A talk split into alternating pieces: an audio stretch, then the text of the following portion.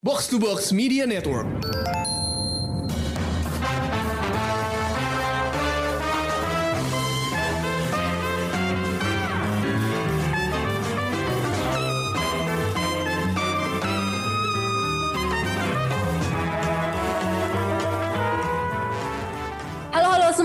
Semuanya, selamat datang di Showbox Podcast dengan gue Lisa dan kali ini gue ada tamu dari podcast sebelah. Halo, hai, Hai kamu. Lisa, apa kabar? Ketemunya gini-gini Eh, aja nih. Ini ada Nana nih, eh, Gayatri Nadia. Nana aja kan dipanggilnya kan, Nana. Ya, biar akrab. Jadi eh, kali ini gue menculik Nana dari podcast sebelah. Eh, jadi gue eh, pengen eh, ngobrolin Ali dan Ratu Ratu Queen sama siapa ya? Tapi kayak sama Nana seru nih untuk eh, untuk karena kita udah lama gak ketemu di film festival. Jadi sekarang virtual dulu ya Naya. Kita ngomongin Asli. film yang juga tayangnya di OTT gitu. Jadi biar gampang. Em, buat yang eh, belum nonton, jadi Ali dan Ratu Ratu Queens ini sebenarnya baru tayang di Netflix eh, minggu ini ya, minggu ini tanggal eh, 16 16 Juni tayang di Netflix dan tayangnya global. Jadi lo mau di mana aja non eh, di mana aja lo berada lo bisa nonton ini kalau lo punya Netflix gitu ya.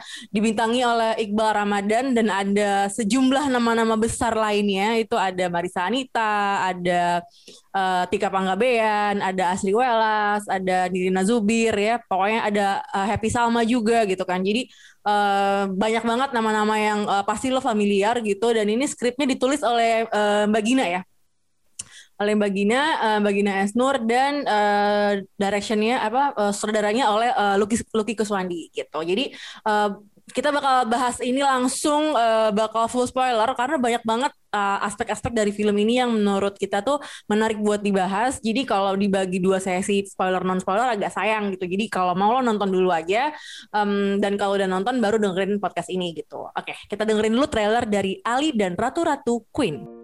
Sebentar, ini ada yang gede banget siapa? Patung Liberty. Patung Liberty berarti ada di New York. Mama terbang dulu ke New York ya nak. Ya. Nanti kalau mama sukses, kamu tinggal sama mama di New York. Oke? Kita itu semua cuma melindungi kamu. Mama tuh ternyata pernah kirim tiket buat Ali, Bude. Masa sih Bude sampai hati ngelarang anaknya yang pengen ketemu sama ibunya? I'm Ali. I'm looking for Miss Mia. Mama tinggal di sini kan ya? Saya Tante Parti, itu Tante Ance, Tante Cinta, Tante Bia. Don't lie. Kamu jangan macam-macam sama anak saya ya. Mom minta lontong tidak ibu-ibu and try to not talk about me. L- Lontong's the food. Um, I think you meant tolong. Right. Tapi kan kita harus bantu, bantu cari mamanya. Let's start looking for her. Hey, excuse me, have you, have you seen this woman? Ali, Ali, dapet. Catet, catet alamatnya.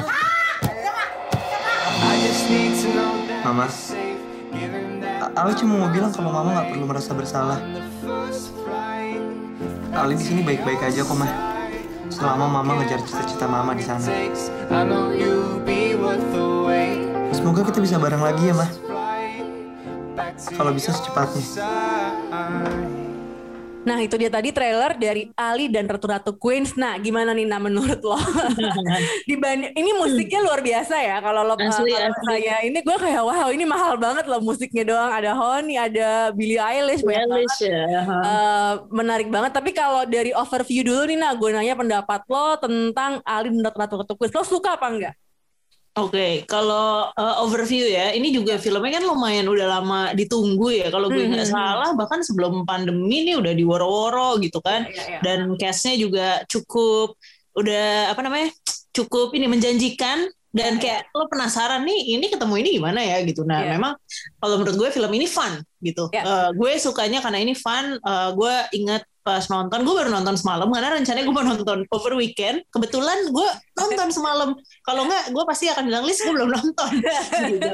Dan itu gue inget nontonnya tuh kayak apa ya kayak ada bagian yang gue ketawa gue kayak oh gitu Mhm. tapi emang ini eh, sesuatu yang untuk ditonton dengan ekspektasi sangat fun dan eh, apa ya mencari eh, ini loh apa namanya gue lupa ensemble cast yang lo eh, apa ya se- suka tapi sebel tapi ya suka gitu loh. Hmm. Jadi menurut gue itu yang gue suka dari film ini dan uh, mungkin emang cocok kalau lo nonton di saat lo penat, udah udah kayak aduh suntuk banget nih weekend ini capek banget dan ya dengan situasi sekarang ini film yang bisa sangat membuat lo uh, merasa sedikit apa ya sedikit dipupuk gitu, dipupuk Ya, ya. tapi uh, indah gitu pemandangannya. Iya ya benar-benar. Nah soalnya ketika denger uh, New York gitu ya, New Yorknya itu kan apa masuknya di sini Queens ya. Jadi spesifik langsung satu uh, borough apa sih namanya kalau di New York tuh ya borough gitu kan satu neighborhood gitu di New York yang Queens itu emang banyak orang uh, Indonesianya gitu kan banyak orang Indonesianya. Dan gue ketika denger judulnya langsung ke Queens, gue tuh langsung kayak eh, pertama gue agak skeptis karena gue rada-rada, aduh jangan-jangan ini another film yang eh, daerah di luar negerinya itu cuma tempelan doang gitu. Jadi Mhm. kayak nggak digali banget orang-orang yang tinggal di sana gitu kan. Jadi cuman kayak sekedar oh ya gue mau syuting di luar negeri hahaha gitu habis itu kelar gitu kan. Nah untungnya film ini tuh nggak kayak gitu. Jadi bener-bener menurut gue dia ngegambarin ya dari karakter Queens eh, apa karakter ibu-ibu apa ratu-ratunya ya bukan ibu-ibu Ratu-ratu. ratu-ratunya ini gitu kegambar banget sebenarnya tipe-tipe eh, orang Indonesia yang ba- banyak tinggal di sana kan gitu. Jadi kayak menurut gue eh, dimensi itu tuh eh, kegali gitu ya dan dan dan eh, pada akhirnya kan ceritanya tentang eh, abandonment gitu ya tentang eh, keluarga yang nggak nggak harmonis gitu dan eh, istrinya pergi dan anaknya jadi ngerasa eh, ga- gamang gitu ya karena apa ada mami isu juga gitu nggak ada ibunya. Jadi gue suka sih karena dia ngegali tema yang menurut gue jarang dan eh, dan agak sulit ya sebenarnya dibahas di eh, di Indonesia gitu. Jadi dari situnya aja menurut gue udah oke sih gitu. Jadi eh, menurut gue eh, konsisten ya mbak ini mbak Gina eh, dengan karakter perempuan yang mengejar mimpi Eh, menurut gue jadinya emang terus-terusan eh, ada terus tuh karakter-karakter yang kayak gitu. Dan itu menarik banget. Gitu. Ada yang lo nggak suka nggak dari film Ratu-Ratu eh, Ali dan Ratu-Ratu Queens Nah, karena lo tadi udah mention ya, dua nih, Hmm. New York sama perempuan yang mengejar mimpi gitu. Nah, ya, ya, eh. eh, pengen sih bilang kayak iya New York Queens gue eh, pengen apa inget banget waktu sana sayangnya gue belum pernah jadi gue nggak tahu deh itu ya kayak eh, situasi di sana sebenarnya gimana cuman menurut gue dua hal yang lumayan apa ya membuat gue sedikit menambah apa ya tadi kan gue gue bilang gue suka di bagian-bagian itu gitu gue suka tektokannya si Queens ya ratu-ratunya gitu kan Ya. Nge- ngelihat gimana mereka eh, ada hangatnya ada kayak ya gimana sih lo kalau udah temenan lama tinggal bareng pasti Ya. celah-celahannya gitu nah Hmm. cuman sebenarnya ada pertanyaan besar gitu dengan dua hal yang barusan lo sebut gitu kan Mhm. jadi sebenarnya gue bertanya sama eh, si ibunya Ali, which is eh, sebenarnya adalah motif utama kenapa Ali ini harus ke New York. ya hmm. Gue tanyain balik dulu sih sebenarnya kayak, nih ibunya si Mia eh, yang diperanin sama Risa Anita, kenapa harus ke New York gitu kan? Mhm. Why New York? Kalau misalnya ceritanya eh, flashback di film, eh sorry di awal dibilang eh, dia gambar apa sih eh, Liberty itu, terus bilang ini New York yang Mama suka sekali gitu. Terus di ujung Ali pun ngomong kan, ya New York yang Mama cintai. Bah, kalau gue nggak salah ya eh, Hmm. lebih dari Ali atau apa. Sebenarnya motif itu tuh gue nggak dapet sih. Motif Jadi- kenapa dia mesti ke Lo New York? ngerti kenapa ibunya harus ke New York gitu ya. Kalau Exactly. Ali ke New York lo ngerti gitu. Karena iya. dia mau nyari ibunya. Tapi kenapa Iya. Mia ini harusnya ke New York gitu? Ya, ya. Dan, dan itu kan sebenarnya pas di awal diceritain, eh, iya saya mau apa ngejar mimpi gitu. ya mimpinya dia apa pun sebenarnya baru ketahuan kan setelah udah nyampe sana segala Ya. macam. Dan kenapa Hmm. masih ke New York gitu? Mungkin Mhm. eh, mungkin abis itu kan ya kita jadi tahu ada apa ada apa. Tapi menurut gue ada hal yang eh, menurut gue kurang kuat gitu. Dan Hmm. kenapa harus New York gitu? Dan itu sebenarnya kan jadi kayak pertanyaan berikutnya ya kalau Mhm. memang untungnya eh, Lucky menggambarkan film ini nggak New York yang eh, apa Times Square atau Central Park gitu Nggak ya yang vacation spot ya. Nggak turistik tapi menurut gue juga kenapa juga si Mia ini harus ke New York gitu menurut gue itu Hmm. kurang eh, cukup jelas gitu cu- cukup kuat gitu meskipun misalnya bisa aja bilang ya nggak apa-apa gue pengen aja ke New York gitu ya nggak apa-apa juga sih tapi itu tetap gak ada menurut gue ya gitu dan eh, apa namanya speaking eh, of perempuan yang mengejar mimpi sebenarnya gue udah suka banget tuh pas dia Ya. telepon bapaknya Hmm. Iya, saya belum jadi apa-apa. Kamu sudah Ya. jadi apa-apa. Kamu sudah jadi ibu dan istri. Iya, enggak, iya, itu nggak iya, cukup. Itu gue udah yang langsung wow, empowerment. Iya iya iya. iya. Tapi habis itu juga enggak, Bo. Gitu, enggak ada Hmm, follow up-nya oke. gitu. Bahkan Ya, ya. kalau emang itu satu kegagalan ya gue rasa sih apa ya perlu ada sedikit apa sih kayak bridging either itu dari diskusi mereka lah atau obrolan. Dan menurut gue waktu itu ada adegan yang pas di gang ya kalau nggak salah Ali sama Hmm. si ibunya tuh udah kayaknya emosinya udah muncak banget kan. Ya, ya, uh. dia cuma bilang "Eh, saya nggak mau jadi ibu yang gagal lagi gitu. Dan menurut Hmm. gue sih harusnya ya well nggak harusnya. Cuman maksudnya Ya,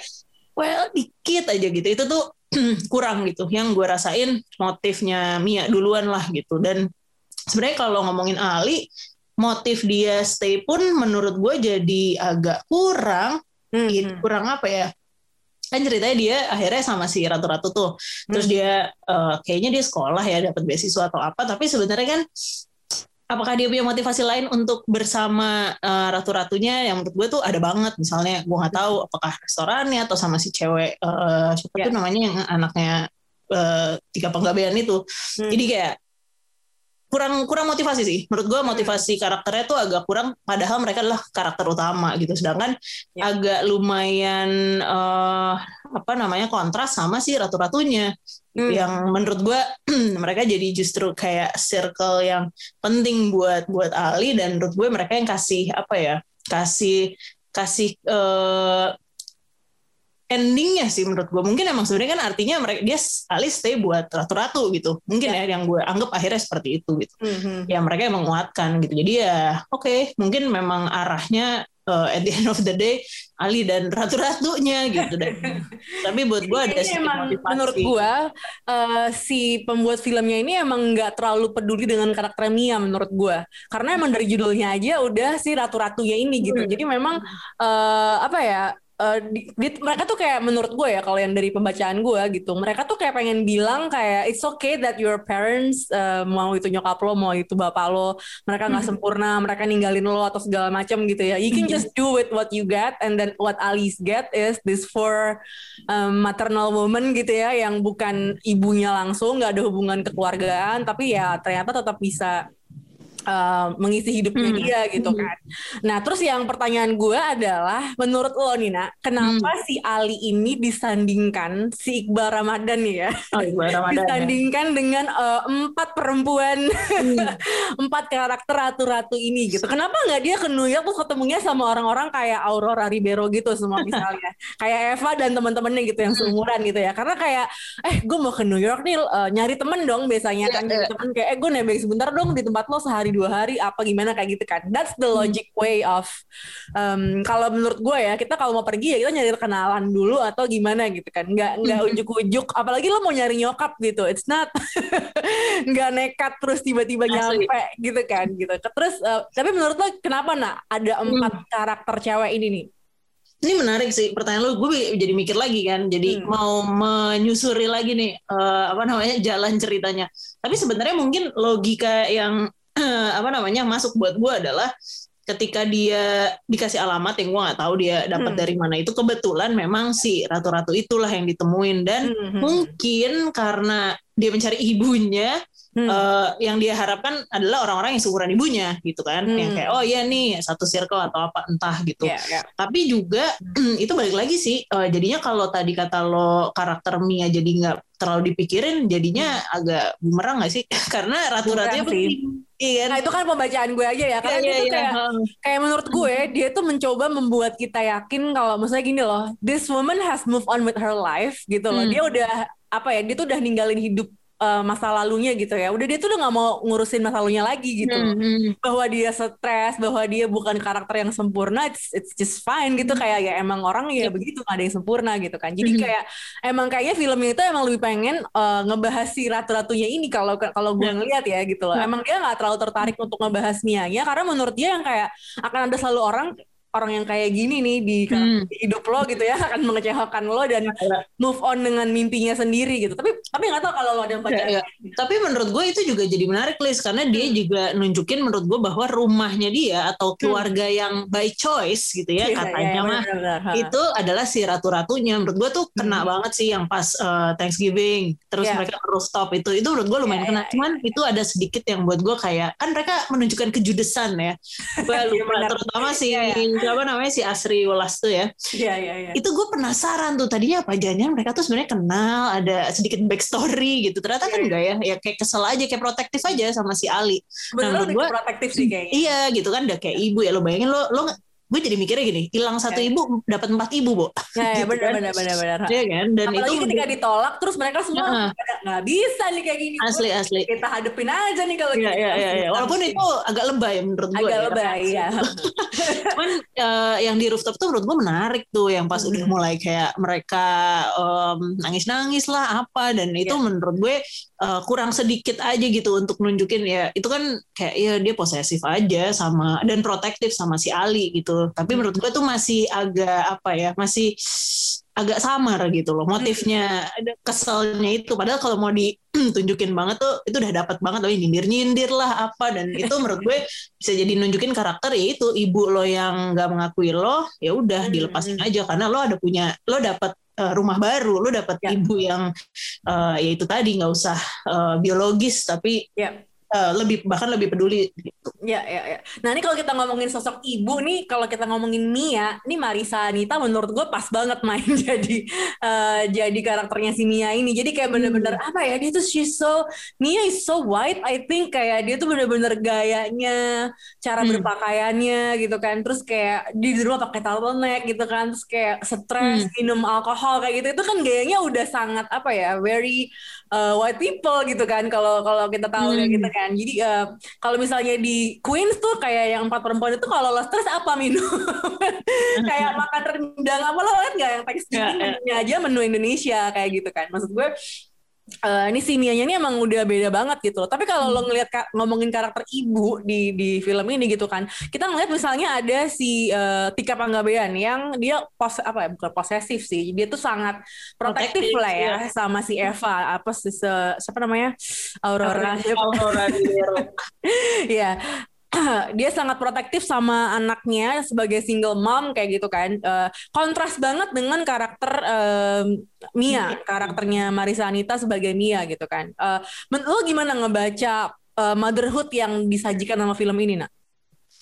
Hmm, menarik nih pertanyaannya juga karena menurut gue mereka mereka berempat kan eh, nggak nggak apa ya nggak nggak secara im- apa eksplisit nunjukin eh, karakter ibu gitu. Karena yang lainnya adalah yang jadi curhat deh kayak kayak sama teman si siapa namanya eh siapa Happy Salma gitu cerita tentang mantan pacar gitu. Itu kan kayak sesuatu yang kayak sama temen ya Bo Iya, gitu iya. kan. Ah. Terus sedangkan si siapa namanya eh eh, siapa sih? Wah, Asri Welas. Asri malah kayak kakak gitu. Kayak kayak apa kayak preman banget kan. Kayak wah Iya. jangan macam-macam loh sama ini gue jadi gue malah merasa emang mungkin ibunya tuh nggak apa ya ya perempuan aja gitu. Sifat sifat keibuan itu kan ada di eh, apa namanya ada di karakter perempuan secara apa naluriah lah menurut gue gitu. Tapi tidak not literally translated as mother mom yang kayak gitu. Tapi menurut gue ya family sih home Iya. gitu. Makanya gue gue gue ngerasanya empat orang itu eh, bukan ibu as in ibu tapi kayak ya udah tuh rumahnya dengan ganti-ganti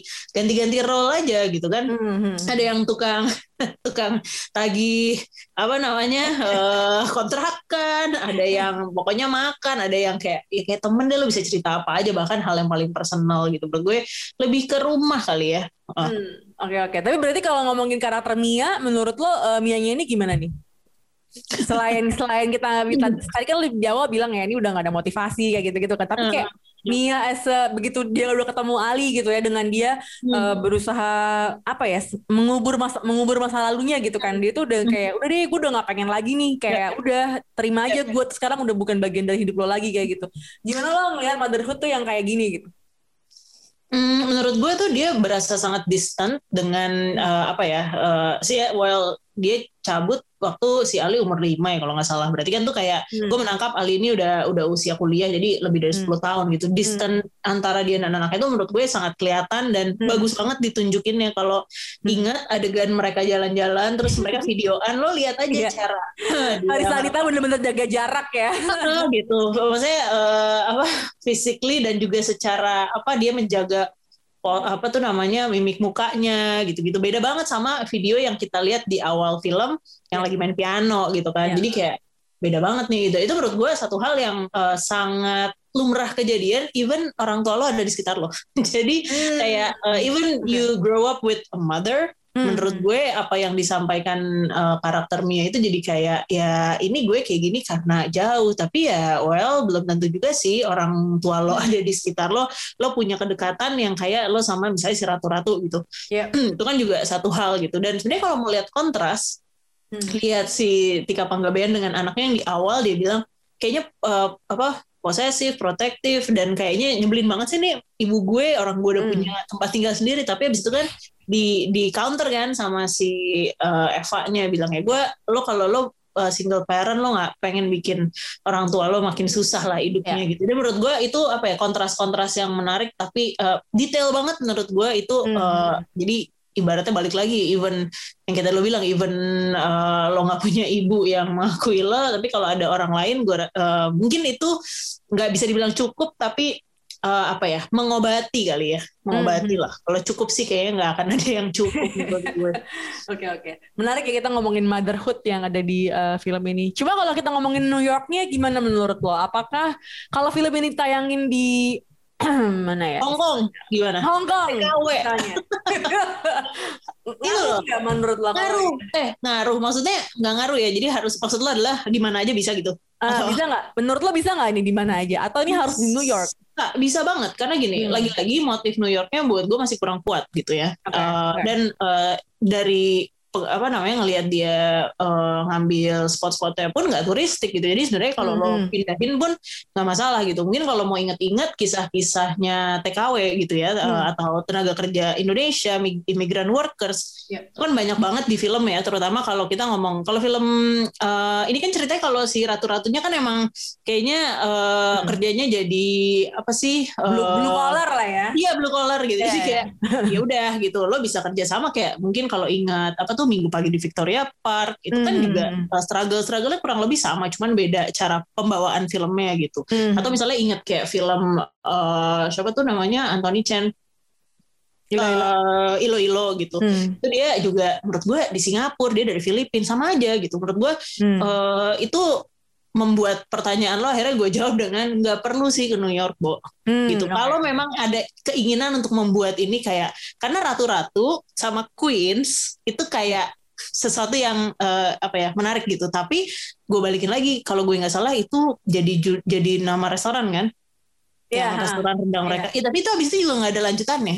Hmm, oke. Jadi oke. kalau abis itu diganti namanya ratu-ratu Ali and ratu-ratu apa Kowloon gitu bisa. gitu. Jadi Iya, menurut iya, gue iya, oke. you can actually move the place and still got the whole vibe and story ya, ya. sih. Kayaknya nih mereka emang apa ya memakai setting New York ini karena eh, ini kali ya, maksudnya eh, banyak kisah-kisah eh, ini ya, kisah-kisah individu yang eh, pergi ke New York for a fresh start gitu kan. Jadi kayak em, kalau gue tangkap di beberapa percakapannya gitu ya, misalnya ketika lagi eh, susah nih si Alinya, aduh eh, ini nih nggak punya duit lagi apa gitu kan. Terus ada si Asri Welas tuh karakternya ngomong gini, Hmm. aduh ini tuh New York gampang cari duit gitu kan. Pokoknya yang penting lo ini adalah pokoknya bareng lo stick with us and then we'll help you. Kira-kira kayak gitu kan. Gue nggak tahu apakah di tempat lain beneran kayak gitu atau itu cuma New York. Tapi kayaknya sih emang salah satu alasannya tuh itu. Udah gitu kayak emang people go there kayak emang buat mungkin mi- mimpi-mimpi yang American ya, Dreams. Iya, American Dreams. yang sangat apa ya, traumatisir oleh ide-ide uh, mencari sukses dan mimpi dan diri yang baru di uh, New York sana. Kayaknya emang itu sih yang dikejar, ya nggak sih? Ya, ya, ya. Dan mungkin eh, beberapa orang ya, eh, yang pasti gue nggak tahu karena gue belum pernah ke New York. Jadi kayak eh, apa namanya meng- menganggap satu tadi American Dreams ya. beberapa orang mungkin masih punya itu. Termasuk mungkin si Mia ini yang kita masih belum Hmm. tahu juga gitu kan Hmm. motifnya. Tapi eh, juga ini ya apa Amerika mungkin dianggap sebagai apa namanya negara bebas banget gitu. Hmm. Maksudnya it's a eh, bukan cuman adidayanya tapi ya lo di sini bebas berekspresi lo bebas jadi apa aja dan itu Hmm. yang mungkin ingin juga ditampilkan ya termasuk mungkin identitas dan segala macam mungkin Terus lengkap dengan nasihat um, jangan makan babi ya. dari uh, Cut Mini, dari karakter budenya. Itu kayak bener-bener tipe orang tua yang nasihatin anaknya kalau mau keluar negeri ke mana pun itu. Gitu. Iya. Gak harus gak harus ke Amerika, tapi kayak Iya, jangan ya. ya. Terus dikasih makanan kering supaya lebih hemat. Hemat, benar. It's so Asian. gitu. Oke. Eh, Oke, kita kalau ngomongin directionnya uh, Lucky Kuswandi menurut lo gimana nih di film eh, Ali dan Ratu-Ratu Queen? Mhm.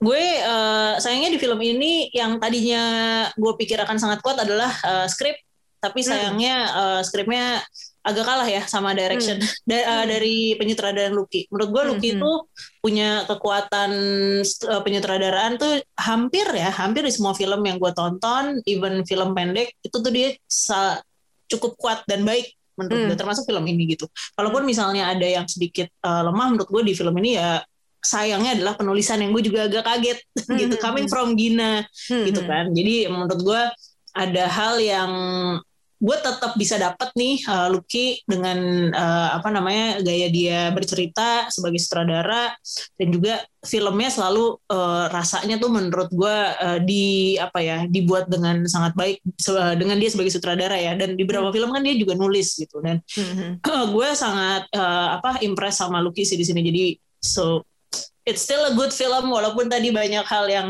uh, gue pertanyakan. Ya, fun aja ditonton ya. Hmm, hmm, hmm. Ya, Ini Kak, cerita ide ceritanya nih dari Gina dan eh, Muhammad Zaidi ya sebagai produser jadi ide cerita, tapi terus skenario nya Mbak Gina full Gina Ya. Gina Isnur. Gitu. Jadi eh, seru banget nih memang kalau lo tonton buat eh, iseng-iseng di Netflix gitu ya. Kalau lagi nggak bisa ke bioskop, mungkin belum bioskop daerah lo belum buka gitu ya. Ada banyak karakter-karakter menarik. Ada Bayu Skak juga, ada Reza Candika juga. Uh, bagiannya. Sih lumayan tuh Candika Em, ya ada Cut Mini juga sebagai budenya gitu kan. Eh, boleh ditonton. Ini ada di Netflix. Durasinya 100 menit. Jadi eh, cukup oke lah ya Nak ya secara durasi cukup ya. lah nggak terlalu panjang Mhm. Ini katanya syutingnya eh, dua minggu pas lagi winter nih katanya di daerah eh, Brooklyn, Queens sama Manhattan. Tapi yang bikin yang paling fantastis mungkin adalah musiknya kali ya nak. Karena lo, lo kaget ya ada Honey, ada, ada Billie Eilish kaget Iya, ya. iya. sebenarnya gue itu kan nggak terlalu ngikutin musik-musik itu sekarang ya saya Iya, agak old soul nih ya Mhm. tapi eh, gue cukup surprise karena pas ngelihat listnya ha gitu. Tapi gue nggak heran sih. Itu kan eh, kalau nggak salah musiknya Ken Jenny sama Margalo ya yang Hmm. sudah langganannya juga dan setelahnya kita tahu lah kayak gimana mereka eh, mengkompos eh, sebuah film. Tapi aku suka ada The Groove Iya bener. Kapan terakhir denger lagu Hayal? Iya. Lagu generasi kita nah sebenarnya bukan generasi kita. Oke, itu dia tadi pembahasan kita soal Ali dan Ratu-Ratu Queens lagi tayang di Netflix sekarang. Kalau mau nonton lagi silakan. Kalau udah dengerin terus mau nonton lagi boleh. Kalau nggak suka bilang aja kalau suka Lucky Keswandia. Kalau suka bilang juga ke Lucky Keswandi. Eh, Oke, thank you banget udah dengerin Nana. Thank you udah join ke Showbox. Thank you udah ngajakin ngobrol-ngobrol rindu Semoga kita bisa review yang lain lagi ya, Nak. Nah, thank you juga yang Oke, lain thank you banget udah dengerin semuanya. Sampai jumpa di review berikutnya. Bye-bye. Bye.